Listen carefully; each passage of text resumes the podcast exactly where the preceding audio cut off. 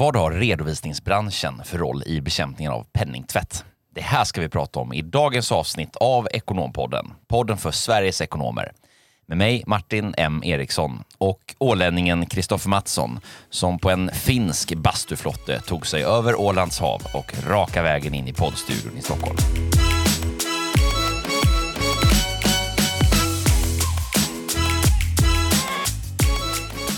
Ja, du tröttnar aldrig på att vara finurlig Martin. Nej, men det ska man inte göra. Alltså, du vet att kreativitet, det är, eh, det är nyckeln till världens utveckling. Och när är man som mest kreativ? Det har vi pratat om tidigare i podden. Det har vi faktiskt gjort. Nej, men vi har ju pratat om förutsättningen för kreativitet och det är ju att man får... eh, Ja, att Efter hjärnan, två glas vin. hjärnan inte är stressad.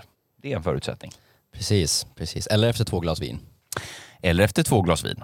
Så är det. Det finns alla möjliga vägar in, men det har vi pratat om. Eh, Det ska vi inte prata om idag. Vi ska prata mycket annat spännande idag. Ja men det ska vi göra. Vi har ju varit inne lite på redovisningskonsulter tidigare och vi har pratat om framtiden som redovisningskonsult och att det kanske finns eh, ja, men, men, eh, incitament att se över affärsmodeller och, och idag ska vi prata lite om penningtvätt och eh, ja, redovisningskonsulternas roll för att förhindra och motverka det här. Jättespännande. Apropå penningtvätt så var det lite roligt att jag plockade fram faktiskt ett par jeans från garderoben som jag inte använt på flera år. Tänkte jag de här jeansen ska jag blåsa liv i. Och så körde jag dem i tvätten. Och när jag skulle ta på mig dem första gången då, då insåg jag att det låg en gammal hundralapp i bakfickan. Alltså 100 kronor då. Alltså hundra, en svensk 100 kronor sedel. En sån där jättegammal. Som inte ens finns kvar längre. Svarta pengar. Ja, exakt. Så det var bokstavligt talat pengatvätt faktiskt. Mm. Det där skämtet gick inte hem, det var inte speciellt roligt. Nej men det är en sann story. Ja men det var inte speciellt roligt ändå. Ja, men det var inte syftet, utan det var mer att jag har, jag har blåst liv i ett par gamla, Ja, ett, ett par gamla jeans. Och har nu dessutom en sån här hundralapp, för det hade jag ingen. det var då du släpade fram den där rutiga skjortan också som hade så här sex år på, på nacken samma dag eller? Nej, jag hade inte jeans på mig den dagen. Ja, nu är det linnetextil som gäller, det börjar närma sig semestertider och det är fantastiskt. Har du några linnekläder i, i garderoben? Ja, faktiskt.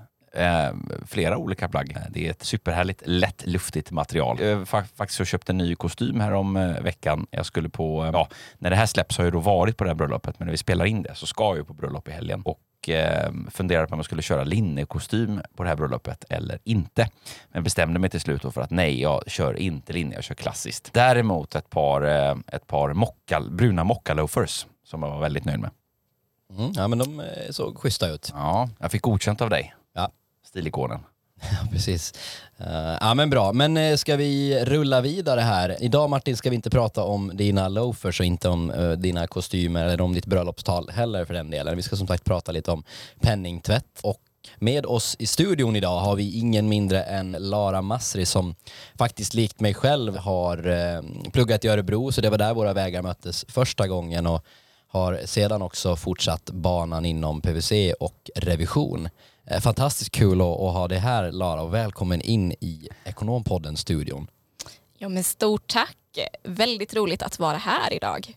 Fantastiskt kul. Och Martin, det var så också här innan du nu då landade vidare från PVC så, så är idag på Inbux då en av våra kunder som vi jobbar med och då är du på väg i en process också till oss internt. Jätteroligt. Ja, det, det var det. Vi hade ju lite dialoger du och jag Lara. Det var, det var väldigt kul. Och så diskuterade vi det och sen så minns jag när, när det var klart att du skulle börja på, på Inbux så sa vi just det att vi, vi får se när vi stöter in i varandra igen. Det gör vi garanterat. Karriären är lång och eh, nu sitter vi här, inte så långt efter, i Ekonompoddens poddstudio. Ja, vem hade kunnat ana det? Fantastiskt. Och, och idag i, arbetar du då som affärsutvecklare och jobbar bland annat då med eh, men hur då redovisningskonsulter man kan underlätta för dem i eh, de här frågorna som, som rör penningtvätt och antikorruption. Intressant. Det stämmer bra. Jobba med att eh, utveckla och ta fram nya digitala lösningar för bland annat redovisningskonsulter så att de kan tackla de här frågorna på ett mer effektivt sätt i sitt dagliga arbete. Mm. Det är, det är ett, eh, minst sagt ett landskap som har fått mycket fokus på sig. Vi har ju släppt tidigare ett avsnitt där vi just pratade om de stora penningtvättsskandalerna och liksom bakgrunden till upphovet av alla de här regelverken och allting som händer. Men rätt fascinerande ändå när man plötsligt eh, några år senare sitter och, och har hela redovisningsbranschen och ner på liksom en, en redovisningskonsult som jobbar med ett litet bolag som omsätter kanske ja, inte mer än en miljon ibland eh, och, och har ögonen på sig avseende hur man hanterar eh, antipenningtvätt. Det är ju ett skifte. Ja, precis som du säger Martin så är vi ju kanske mer bekanta med den här typen av frågor inom banksektorn men vi ser nu att vi, eh, vi behöver tackla de här frågorna även eh, som verksamhetsutövare inom redovisningsbranschen. Mm. Nej, verkligen, där har vi så otroligt glada att ha dig med i studion då, Lara, som jobbar med de här frågorna och bygger, bygger lösningar för branschen för hur man ska kunna tackla det och, och också få en bakgrund avseende just drivarna in till det här och vad är det som har varit upphovet till att vi står här idag och vad man som enskild redovisningskonsult och, och när man jobbar i den här professionen behöver vara vaksam på. Mycket tips och tricks man kommer få med sig i dagens avsnitt tillsammans med dig. Ja, det ser vi fram emot. Och nu stal jag lite presentationen av dig här, eh, Lara, inledningsvis. Men Eh, vill du berätta lite kort bara vem, vem du är och, och lite vad du gör på, eh, på Inbooks idag? Ja, självklart. Jag kommer som du sa eh, från revisionsbranschen så jag har varit några år på PWC. Kom ju i kontakt med frågor kopplat till intern kontroll och riskbedömningar redan där och har nu gått vidare till Inbux där jag har en roll som affärsutvecklare och som du Martin var inne på jobbar jag väldigt mycket med att hitta nya effektiva sätt för redovisningskonsulter att, att jobba med de här frågorna systematiskt och pedagogiskt. Nej, verkligen. Och det märker man ju på många. Det är ju många i branschen där ute som det har kommit nästan lite som en, en, en våg över dem. Att det här är liksom frågor som de som konsulter över någons redovisning ska ha någon form av ansvar i. Ja, och det här är ju reglerat i penningtvättslagen att man som verksamhetsutövare har skyldighet att eh, upprätta vissa kontroller och rutiner i, i enlighet med de krav som ställs där. Mm. Och ska vi backa tillbaks lite till just, eh, det har vi varit inne på innan, men ändå höra din syn på det här med penningtvätt och varför det är ett problem. Hur mycket pengar tvättas, Lara? Det... Förutom min hundralapp då i bakfickan. Precis, förutom den så är det faktiskt väldigt stora pengar som eh, tvättas. Det är ungefär 130 miljarder per år i bara Sverige, eh, konstaterades det i eh, en rapport som heter Nationell riskbedömning från 2019. Mm, det är otroligt stora mängder. Ja, jag har för mig att jag har läst någon siffror att omkring 2-5% av globala BNP, eh, alltså motsvarande typ ja, 800 miljarder till 2 biljoner dollar eh, är det då på global nivå. Så det är ju det är ett jättestort problem det här och det är också en av drivarna till att det kommer upp mycket regelverk som, som försöker stävja då hur man kan motverka det här. Så det är ju fantastiskt bra att det finns hjälpmedel. Lara, för någon som jobbar då inom redovisning, eh, eller om du vill ta det på lite mer, lite mer övergripande nivå, berätta om penningtvättslagen och egentligen vad den innefattar eh, och kanske specifikt då för någon som är yrkesutövare inom redovisning. Eh, penningtvättsregelverket bygger på ett eh, e EU-direktiv från början och det är baserat på det fjärde och femte eh, direktivet. Det har ju funnits i sin nuvarande utformning sedan 2009 men har uppdaterats senast 2017 och på senare tid så har det ju blivit lite mer strikt för vi ser nya trender i misstänkta beteenden och det finns eh, nya tillvägagångssätt att utöva de här brotten på. Och den här lagen innefattar ju olika delar som till exempel övervakning, eh, rapportering, intern kontroll, utbildning, allmän riskbedömning, riskbedömning på kundnivå och rutiner för kundkännedom. Och de delarna som berör redovisningskonsulterna är väl främst riskbedömning på byrån och för kunderna men också att upprätta rutiner för kundkännedom. Just det.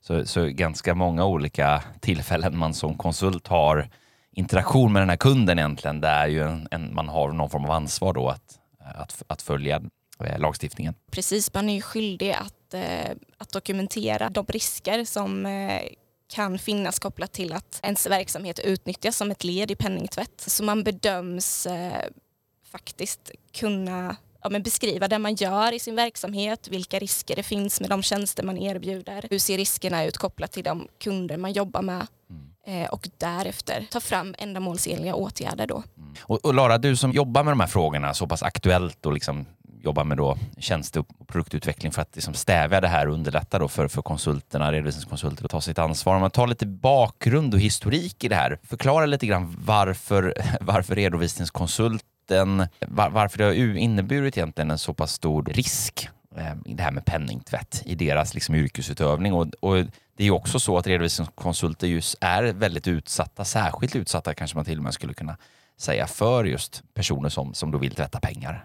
Hur, vad, vad är bakgrunden och historiken till det och varför är det så? Det är ju precis som du säger, eh, det stämmer att eh, man har fastställt att det utgör en eh, risk i den sektorn. Och Polismyndigheten släppte ju tillsammans med andra myndighetsaktörer år 2021 en rapport som heter Nationell riskbedömning där man fastställer just de här riskerna förknippat med redovisningstjänster för att man bedömer att redovisningstjänster kan utnyttjas i ett led av penningtvätt mm. faktiskt utan att redovisningskonsulten märker av det man bedömer också att man eh, skapar stor legitimitet genom den utövning som redovisningskonsulterna gör när man kanske eh, levererar en årsredovisning eller upprättar vissa transaktioner eh, och att det hamnar mellan stolarna då.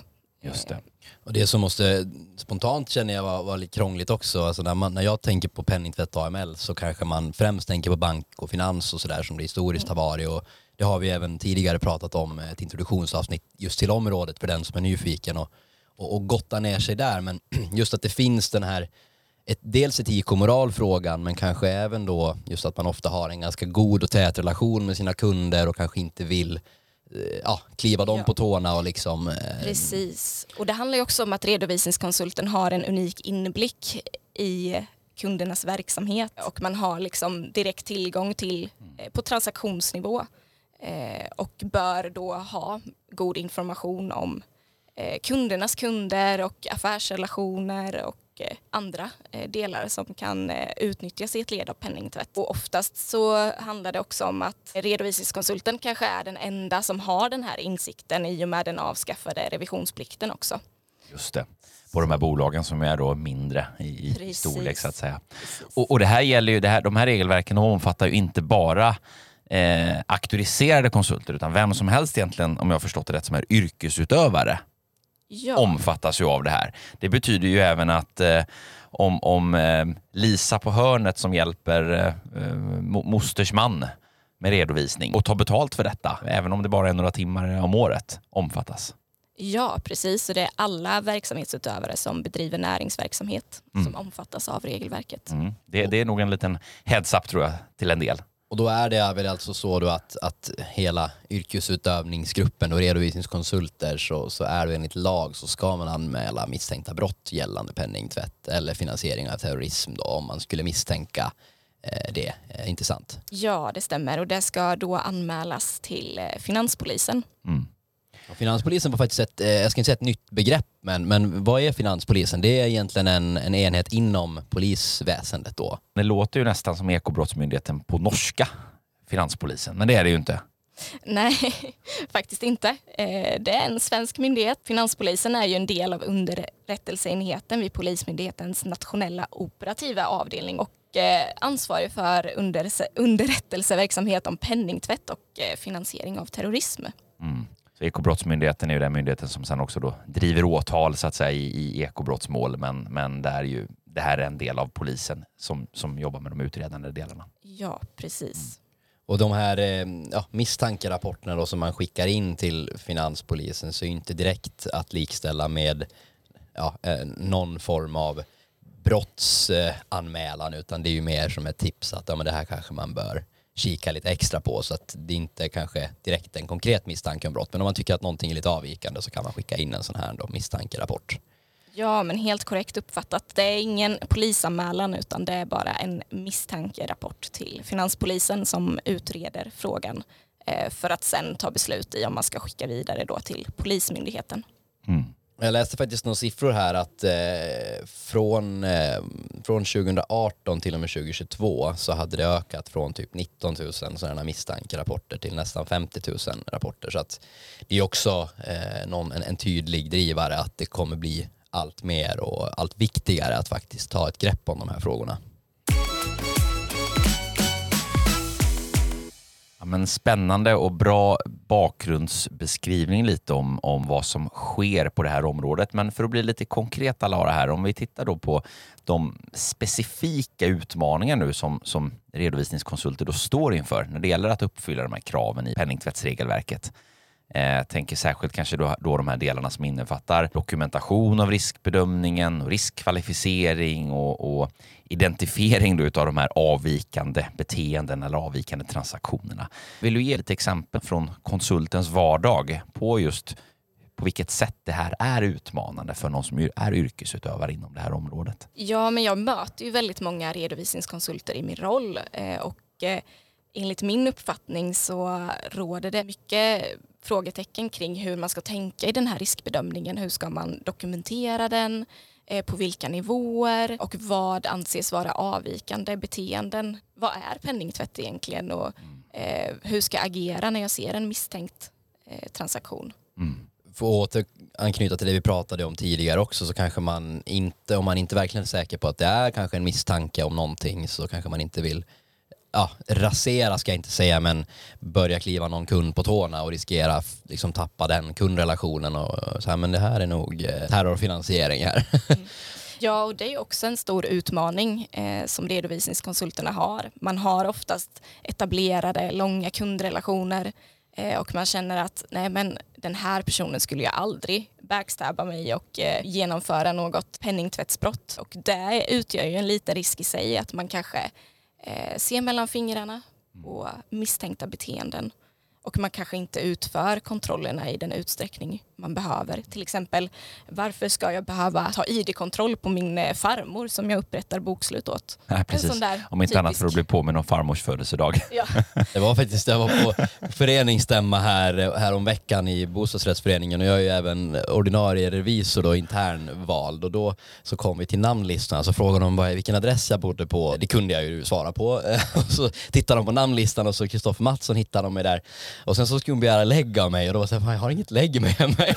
Men då fick jag ta in flera medlemmar som kunde intyga att jag var ändå revisor, att jag liksom var behörig att vara på den här träffen. Men det var ju lite samma sak där, att då känner man ju sig nästan så här, eh, den här typen av frågor också, ja men eh, inte bara identifikation utan eh, men även om farmor liksom har någon business och det kan ju vara ja, familjerelaterat eller vad som helst och man har ju en god tro eh, i regel att folk vill väl och det kan ju bli ganska krångligt om det mm. finns eh, ja, någon, någon, något svart hål däremellan. Och god tro kan ju bita en i svansen ibland. Lara, har du, har du några exempel på, på vilket sätt de här utmaningarna kanske då har lett till alltså överträdelser av regelverket och, och rent av kanske sanktioner som, som följt av de här överträdelserna? Ja, jag har ju tyvärr det. Det är väldigt vanligt att man eh, man slarvar med den här allmänna riskbedömningen och kanske inte har utfört den utifrån ett verksamhetsbaserat perspektiv. Det handlar ju faktiskt om att beskriva den verksamhet man bedriver. Ganska basic. Det handlar om att beskriva sina tjänster och faktiskt backa tillbaka ett steg och beskriva sin, ja, men om man hanterar leverantörsrisk kontra beskriva vad man gör och beskriva riskerna med att den utnyttjas som ett led i penningtvätt oaktat vilka kontroller man gör eh, och sen göra en riskklassificering då. Mm. Eh, och det är väldigt vanligt här att man fallerar i den allmänna riskbedömningen och då är det också väldigt svårt att eh, upprätta ändamålsenliga åtgärder. Vi ser i de här sanktionsbesluten också att man eh, kanske inte tar med alla tjänster man tillhandahåller, man väljer bara att beskriva eh, några stycken. Att man kanske sätter en risk eh, men glömmer bort att motivera varför den risken finns. Vi vet också att man kanske missar att göra riskbedömningen utifrån de riskfaktorer som beskrivs i, i regelverket. Och ett annat exempel är att man brister i, i rutinerna för kundkännedom. Man kanske har haft väldigt detaljerade eh, rutiner om id-kontroll och frågeformulär och verksamhetsspecifika detaljer som man eh, vill inhämta information om från kunden. Men man kanske inte anger eh, vilka åtgärder som sätts in ifall något skulle vara avvikande i, i den processen. Mm. Ja, det, du beskriver intressanta exempel på, på hur, hur, man, hur lätt det så att säga är då att överträda ändå regelverket eftersom ju så mycket handlar om den här dokumentationen och, och bedömningen avseende just bara risker. Och det handlar ju inte om att ens upptäcka penningtvätt utan det är ju liksom steget före. Hur, hur ser liksom den, den här processen ut och vilka är de här rutinerna som ska då följas enligt, enligt regelverket för att bara bara ens, ens så att säga, förebygga riskerna och minska kanske risken att det sker. Då. Har, har du lite exempel på, på vad man som konsult då, eller yrkesutövare bör vara extra uppmärksam på i sitt dagliga arbete? Kan du exempel på vad, vad är en riskfylld transaktion eller vad är ett avvikande beteende? Ja, men till att börja med vill jag ju bara återigen påtala vikten av att göra den här riskbedömningen grundligt och faktiskt förstå riskerna. Och man eh, faktiskt kan förstå vad som är misstänkt beteende eller misstänkta transaktioner. Men för att ge några exempel så kan det handla om eh, större återkommande uttag som kanske inte är kopplade till några underlag Eh, jag nämnde inte det här men det finns ju någonting som heter omvänd penningtvätt och det handlar faktiskt om att ta ut ja, men legala pengar i uttag för att sen betala eh, svart arbetskraft till exempel. På, på vilket sätt kan det gå till en sån, en sån transaktion? Jag tänker att man eh, kanske ser större uttag som eh, kanske inte kan härledas till eh, något visst underlag. De kanske är ofta frekventa och eh, ja, går inte att härleda helt enkelt. Men Nej. att man då har beskattat det på något annat sätt ändå för att få ut de här pengarna eller att man har hittat på ett underlag rent av då eller hur, hur kan det gå till? Ja, precis. Det handlar kanske om att eh, man har svart arbetskraft, man inte har några eh, underlag som styrker att man har några anställda till exempel. Och så försöker man eh, dölja de spåren helt enkelt Mm. för att undvika ja, men arbetsgivaravgifter Mm. och, och liknande. Det är lite samma detektivarbete som eh, revisionsrollen när man skulle försöka identifiera om de här utemöblerna var adresserade till landstället eller till kontorets lokaler och, och vem, eh, om det ska vara avdragsgillt eller inte. Precis. Det kan ju också handla om att pengar kommer in på företagskontot utan anledning. Eh, och man kanske senare blir ombedd att eh, föra tillbaka de här pengarna av någon person. Eh, och sen för man över de här pengarna till kanske fel person och till ett helt annat konto än vad pengarna kom ifrån då. Mm, just det. Intressant, minst sagt. Och det känns ju som att det är väldigt många ändå yrkesutövare som nog är ganska osäkra på det här. Alltså där man ju inte riktigt vet då, för att det är ju, dels är det ju ett hyfsat nytt regelverk ändå, eller även om regelverket har funnits ett tag och sådär så ska ju det appliceras i verksamheter. Och där det ju inte heller har kanske då funnits historiskt bra processer eller stöd för på vilket sätt man gör detta. Så hur så att säga, omsätter vi ett regelverk i praktiken? Och det är ju frågor som du, som du håller på med dagligdags. Precis, och jag tänker också på, men vi har pratat mycket om hållbarhet och den här sociala hållbarheten och bara kunna ha någon form av checklista att okej, men de här sakerna ligger inom ramen för vad vi behöver göra. Vi pratar riskbedömningen och, och, och sådär tidigare, att bara kunna få någon form av guideline där i hur man ska tänka så att man känner att nu går jag och lägger mig och jag kan sova gott om natten. Du var inne lite på checklistor och det här ska man ju faktiskt vara lite försiktig med eh, att utgå ifrån. Man kan ha det som hjälpmedel Eh, men vi ser ofta att eh, Länsstyrelsen som är tillsynsmyndighet ofta genomskådar användningen av färdiga mallar och checklistor då man gör bedömningen att man man har inte utgått från sin verksamhet och de risker baserat på det verksamhetsspecifika fallet. Så det är väldigt, väldigt viktigt att göra det här arbetet grundligt. Och finns det några exempel på liksom sanktioner och sådär där i förekommande fall där man har liksom kanske misskött sig eller där man har blivit bestraffad av, av Länsstyrelsen eller liknande som, som du känner till? Ja, det finns ju faktiskt flera. Det finns nästan uppemot 50-tal fall där redovisningsbyråer har fått eh, sanktionsavgifter för att man inte har följt. Okej, Eh, men, men är det, har du något, något exempel på vad det var de hade brustit då utan att nämna några namn? Det var ju eh, bland annat de här eh, exemplen jag tog upp förut. Eh, att man eh, inte utförde den här allmänna riskbedömningen utifrån perspektivet att man tillämpade de tjänsterna man, Mm. man erbjöd och man kanske valde att inte ta med alla tjänster och beskriva riskerna med dem och eh, man förklarade inte riskerna utifrån eh, de riskfaktorerna som finns i regelverket. Mm. Så checklistor och mallar är ju bra, men de behöver vara dynamiska och ju anpassas utifrån den specifika verksamhet som egentligen då kunden bedriver och, och den typen av flöden eh, som, som finns i de här bolagen. Då. Lara, på vilket sätt jobbar ni med att lösa det här? För ni, ni utvecklar ju också olika typer av, av verksamhet och systemstöd för att kunna understödja den här regelefterlevnaden och de här processerna och ansvaret som man då som yrkesutövare har. Ja, men vi på Inbux levererar ju digitala lösningar som ska eh, effektivisera och, och skapa ett smartare workflow för redovisningskonsulter som är ett stort stort affärsområde. Vårt fokus har ju liksom legat på att skapa ett system som är baserat på hur en redovisningskonsult arbetar. Vi vill liksom införliva de här momenten i redovisningskonsultens dagliga rutiner. Det ska väl liksom vara lika självklart att upprätta riskbedömningen Som att ta Som att betalt det- för sina tjänster. Ja, eller som att upprätta bokslut eller betala ut eh, fakturor till en kund eller vad det nu kan vara. Mm. Vi har haft ett stort öra mot branschen för att eh, skapa dokumentationsstöd för att underlätta just eh, dokumenteringen av dels den allmänna riskbedömningen och riskbedömningen på kundnivå men också att det ska kunna kopplas samman på ett väldigt eh, systematiskt sätt så att det underlättar för redovisningskonsulten att, att förstå upplägget. Vi har också byggt in funktioner som underlättar för övervakning, att man ska kunna göra PEP-kontroller och ID-kontroller direkt i systemet till exempel. Eh, och det möjliggör ju att man kan vidta de här åtgärderna redan innan man antar en ny kund. Och en eh, PEP-kontroll här bara för den som inte har koll på det. Vad är det för typ av person? Det är en person i politiskt utsatt ställning. Bra där. Jag kan mina Ja, förkortningar. men Kristoffer, det förväntade du väl ändå att Lara kunde? Det gjorde jag. Kunde du det då? Absolut. Ja, bra. Jag brukar alltid när jag själv fyller i de där dokumentationerna ibland så brukar man få frågan om man då är det eller har någon i sin närhet och så vidare. Så jag brukar alltid tänka ett varv. Svaret det är ju jag. alltid nej. Ja, men det är alltid kul man tänker igenom ett varv. Har det hänt någonting här i familjekonstellationen Ja. som jag bör känna till? Ja, man är alltid lite nervös när man gör de här automatiska PEP-kontrollerna i systemet och så, ja, tänk om det blir en liten överraskning här. Alltid spännande.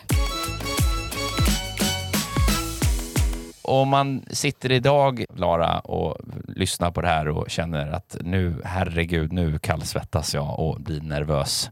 Råd till en konsult, vad, vad kan man liksom börja med att göra här och nu? Om vi utgår ifrån att man inte implementerar några system. Eller så där. Vad, det här bör du liksom omgående se till. Ja, men man bör faktiskt omgående se till att eh, upprätta en eh, riskbedömning utefter regelverkets krav. Mm. Eh, Sätta sig ner, ta sig tiden att göra det här grundligt. Det är ganska mycket värt kontra att få en fet sanktionsavgift. Mm. Så prioritera detta. Annars uppmuntrar jag till att faktiskt delta i olika nätverksforum kopplat till ämnet. Eh, nätverka med andra redovisningskonsulter. Hör dig för hur de arbetar. Kan man utbyta erfarenhet och kunskap där. Eh, vi på Inbux jobbar ju väldigt mycket med att just skapa den här typen av forum genom att hålla byråluncher och liknande för att informera eh, kring hur man ska tänka kring de här åtgärderna. Ja, ni har ju väldigt mycket intressanta och bra event. Och vi, vi var ju, jag och Kristoffer för övrigt och gästade er på Ekonomi och företagsmässan här förra året. Var det i september var det va? Eh, precis, och då, då var vi ju och hade lite paneldiskussioner och, och modererade lite samtal just på de här ämnena också, vilket var, var väldigt bra. Men då minns jag att ni har väldigt mycket bra information och Eh, aktiviteter och seminarier och annat eh, på just de här ämnena för alla, alla yrkesutövare som vill, vill lära sig mer om och förstå eh, ansvaret och hur man gör för att bli compliant helt enkelt i de här frågorna. Precis, och där har ju också branschorganisationerna en stor dialog nu med Länsstyrelsen. Och det finns också mycket rapporter, till exempel den här rapporten Nationell riskbedömning som finns, som ett par myndighetsaktörer gick ihop och skrev. Sen finns också en eh, rapport som Brå har släppt som tar upp väldigt konkreta exempel på hur man ska tänka i sitt dagliga arbete som redovisningskonsult. Mm. Och BRÅ, Brottsförebyggande rådet, för de som inte har koll på det. Jag kan också mina förkortningar. Det är bra där. Ja, men intressant Lara och, och bara för att summera lite grann det som du var inne på innan just. Du gav ju många exempel här på där man normalt sett eller där vi ser förekomst av att det är lätt att missa då att följa regelverken. De exemplen du tidigare gav och det är också ju faktiskt den typen av missar som avspeglas i de här 50-talet sanktionsbeslut som vi ser idag.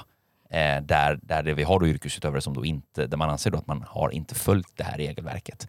Så, så är det precis de exemplen som du tog upp som ju faktiskt avspeglas i de sanktionsbesluten. Så eh, ja, heads up. Och det rör ju sig framåt också. Det, det här är ju minst sagt eh, en fråga som är under fortsatt kraftig förändring. Visst är det så. Vi har ju eh, tjatat på om digitalisering och framväxten av AI och det är ChatGPT och, och det är allt möjligt. Och ta väl till exempel då, jag menar KYC initialt i en process när man sätter upp då vissa regler. Så jag kan tänka mig att här har vi ganska mycket inom det området hur man då kan monitorera löpande när förutsättningar till exempel förändras och, och, och sådär. Vad, vad är dina spaningar liksom inom Ja, om vi tar lite framtidstrender inom, inom eh, det här för, för redovisningskonsulterna och vad man kan behöva tänka på.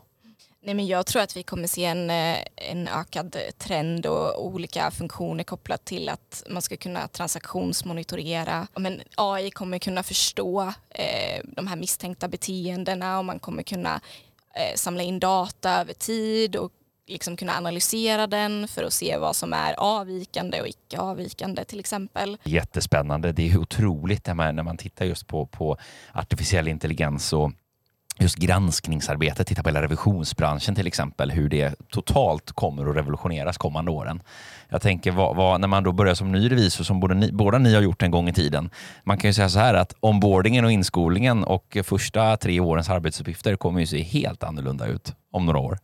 Så är det. Det är inte bara controlling-yrket som förändras. Nej, det, nej, det, verkligen det ställs krav inte. på en modern revisor idag också. Det, det, och på en redovisningskonsult för, för den Ja, delen. Inte, inte minst. Bra. Och, eh, om, vad, vad, vad kan man tänka sig för risker då till följd av den här utvecklingen? Alltså, jag menar, vi är lite inne på det också. Det krävs en ökad förståelse. Jag menar, varifrån kommer datan och varifrån kommer den här inputen och sådär. Vad, vad, har du någon tanke där kring, kring riskaspekten till liksom AIs utveckling och AIs framfart då, kopplat till det här?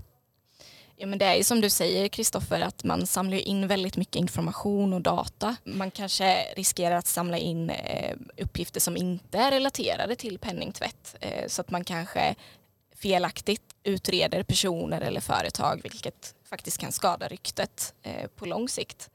Precis, och kundrelationen som och man är så mån om att Ja, men behålla. precis den viktigaste. Ehm, Men det innebär ju också ökad övervakning av faktiskt enskilda individer och Eh, det kan ju skada integriteten och man vet ju inte riktigt hur den här datan eh, kan komma att användas och i vems händer hamnar den till slut.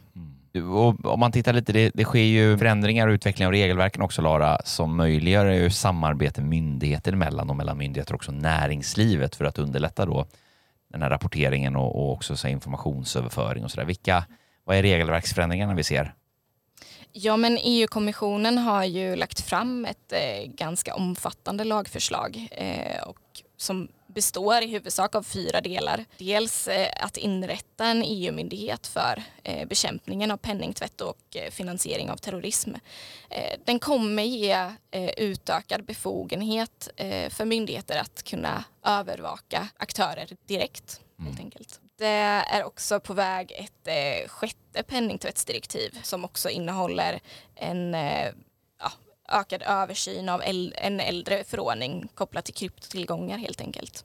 Så det är väldigt mycket på gång eh, som jag tror kommer ha ännu större inverkan på, på framförallt redovisningskonsulter men också andra verksamhetsutövare. Vi kanske kommer se att ett allt fler kommer behöva ta ställning till de här regelverken. Compliance-rådgivare inom redovisningstjänster kanske är en framtids eh. Det tror jag absolut. Ja, verkligen spännande. Ja, men intressanta trender och, och verkligen minst sagt det, det är både frammarschen här av, av eh, digitalisering och AI som ju också, eh, som vi är inne på, skapar många frågeställningar om också ju frågor som rör integritet. Så det, det är väldigt många olika komponenter i den här soppan eh, som är med och driver på och har sin inverkan och sitt spel i det. I det. Ja, verkligen. AI är ju fantastiskt på många sätt men eh, jag tror att det är väldigt viktigt att belysa eh, vilka risker det finns med det. Ja men kanon, Ja, men då tycker jag verkligen vi har fått med oss väldigt mycket idag och säkert väldigt mycket tänkvärt för redovisningskonsulter där ute och bara att prata och lyfta de här frågorna tror jag att gör väldigt mycket, mycket gott och, och blicka framåt här mot ja, vilka utmaningar och möjligheter det finns inom området eh, och ja, både vad heter artificiell intelligens och kryptovaluta och Ja, vi är lite nyfikna här som, som avslutning om du skulle skicka med dig lite konkreta tips eller något annat medskick till redovisningskonsulter eller kunder och så där ute. Vad, vad, vad, hade du, vad hade du avrundat med? Om det bara är det som du kommer säga nu som man kommer ihåg efter den här, den här dagen, vad är det viktigaste att ta med sig? Oj, vilken press. Nej, men eh, jag skulle vilja avsluta med att eh, tipsa om att verkligen lägga ner tid på att upprätta de här riskbedömningarna. Ta din semester nu och kika på det läs på. Bra läsning på, på stranden. Ja, det, Nej, Det- kanske det- inte det roligaste. Nej, nej, men det, eh, det, det understryker någonstans allvaret som du ser i det. Att man- alltså, Ja. om man ändå uppmuntrar någon till att ta sin semester så förstår man att det här är, det här är, det här är seriösa frågor. Ja, alltså det är ju en lite gnutta allvar i det här för att det finns väldigt mycket information i eh, de här rapporterna som jag nämnde. Eh, både Finanspolisen och Brå och ja, branschorganisationerna har mycket information. Så eh, läs allt. Mm. Och du var ju inne på det tidigare, nyttja nätverket och alla man känner i branschen. Hur gör ni, hur arbetar ni med det här och hitta Ja. någon form av stöd för det? Precis, jag tror att det är superviktigt att, eh, att sträcka ut handen till andra redovisningskonsulter eller ja, be om hjälp helt enkelt. Eh, utbyta erfarenheter. Och för Jo. de som inte lyssnar på Ekonompodden så ska man naturligtvis lyssna på det här avsnittet också eh, och kan naturligtvis också kontakta Lara om man behöver mer vägledning kring hur man kan komma igång med, med arbetet. Men om man hör det här du säger nu Kristoffer, då har man ju precis lyssnat på avsnittet. Men man kanske har kompisar som inte har lyssnat på det. Det var ett väldigt, väldigt klokt tillägg. Tipsa och sprid ordet. Bra. Men med det vill vi rikta ett fantastiskt stort tack eh, Lara för att du ville komma och gästa oss i, i studion idag och diskutera det här väldigt, väldigt viktiga området. Och, och som sagt, eh, hur kommer man i kontakt med, med, med dig då om man eh, är nyfiken på det? Ja, men jag finns ju på LinkedIn så skicka iväg ett DM där eller mejla på lara.inbux.se. Sen är ju alltid ett telefonsamtal väldigt roligt att ta emot. Eh, måste dock erkänna att jag inte har mitt eh, nummer i huvudet men det finns ju på hemsidan. Ja, men det, det är enkelt att få tag på det. Det är bara att lägga Ja. en liten pling så, så, Exakt. så eh, får man svar.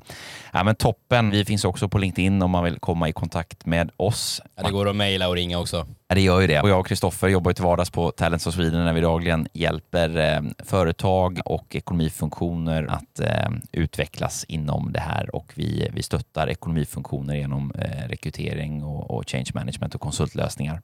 Ja, det stämmer. Och eh, precis som jag sa alldeles nyss här, om du har någon ekonomkompis där ute som inte lyssnar på Ekonompodden idag så eh, uppmuntrar dem till det så vi kan fortsätta vara relevanta och eh, följ oss och prenumerera på podden. Stort, stort tack eh, för att ni har lyssnat idag. Tack ännu en gång till dig, Lara Masri, för din medverkan här i, i Ekonompodden. Och vi där ute och jag och Kristoffer, ja, vi hörs igen om två veckor.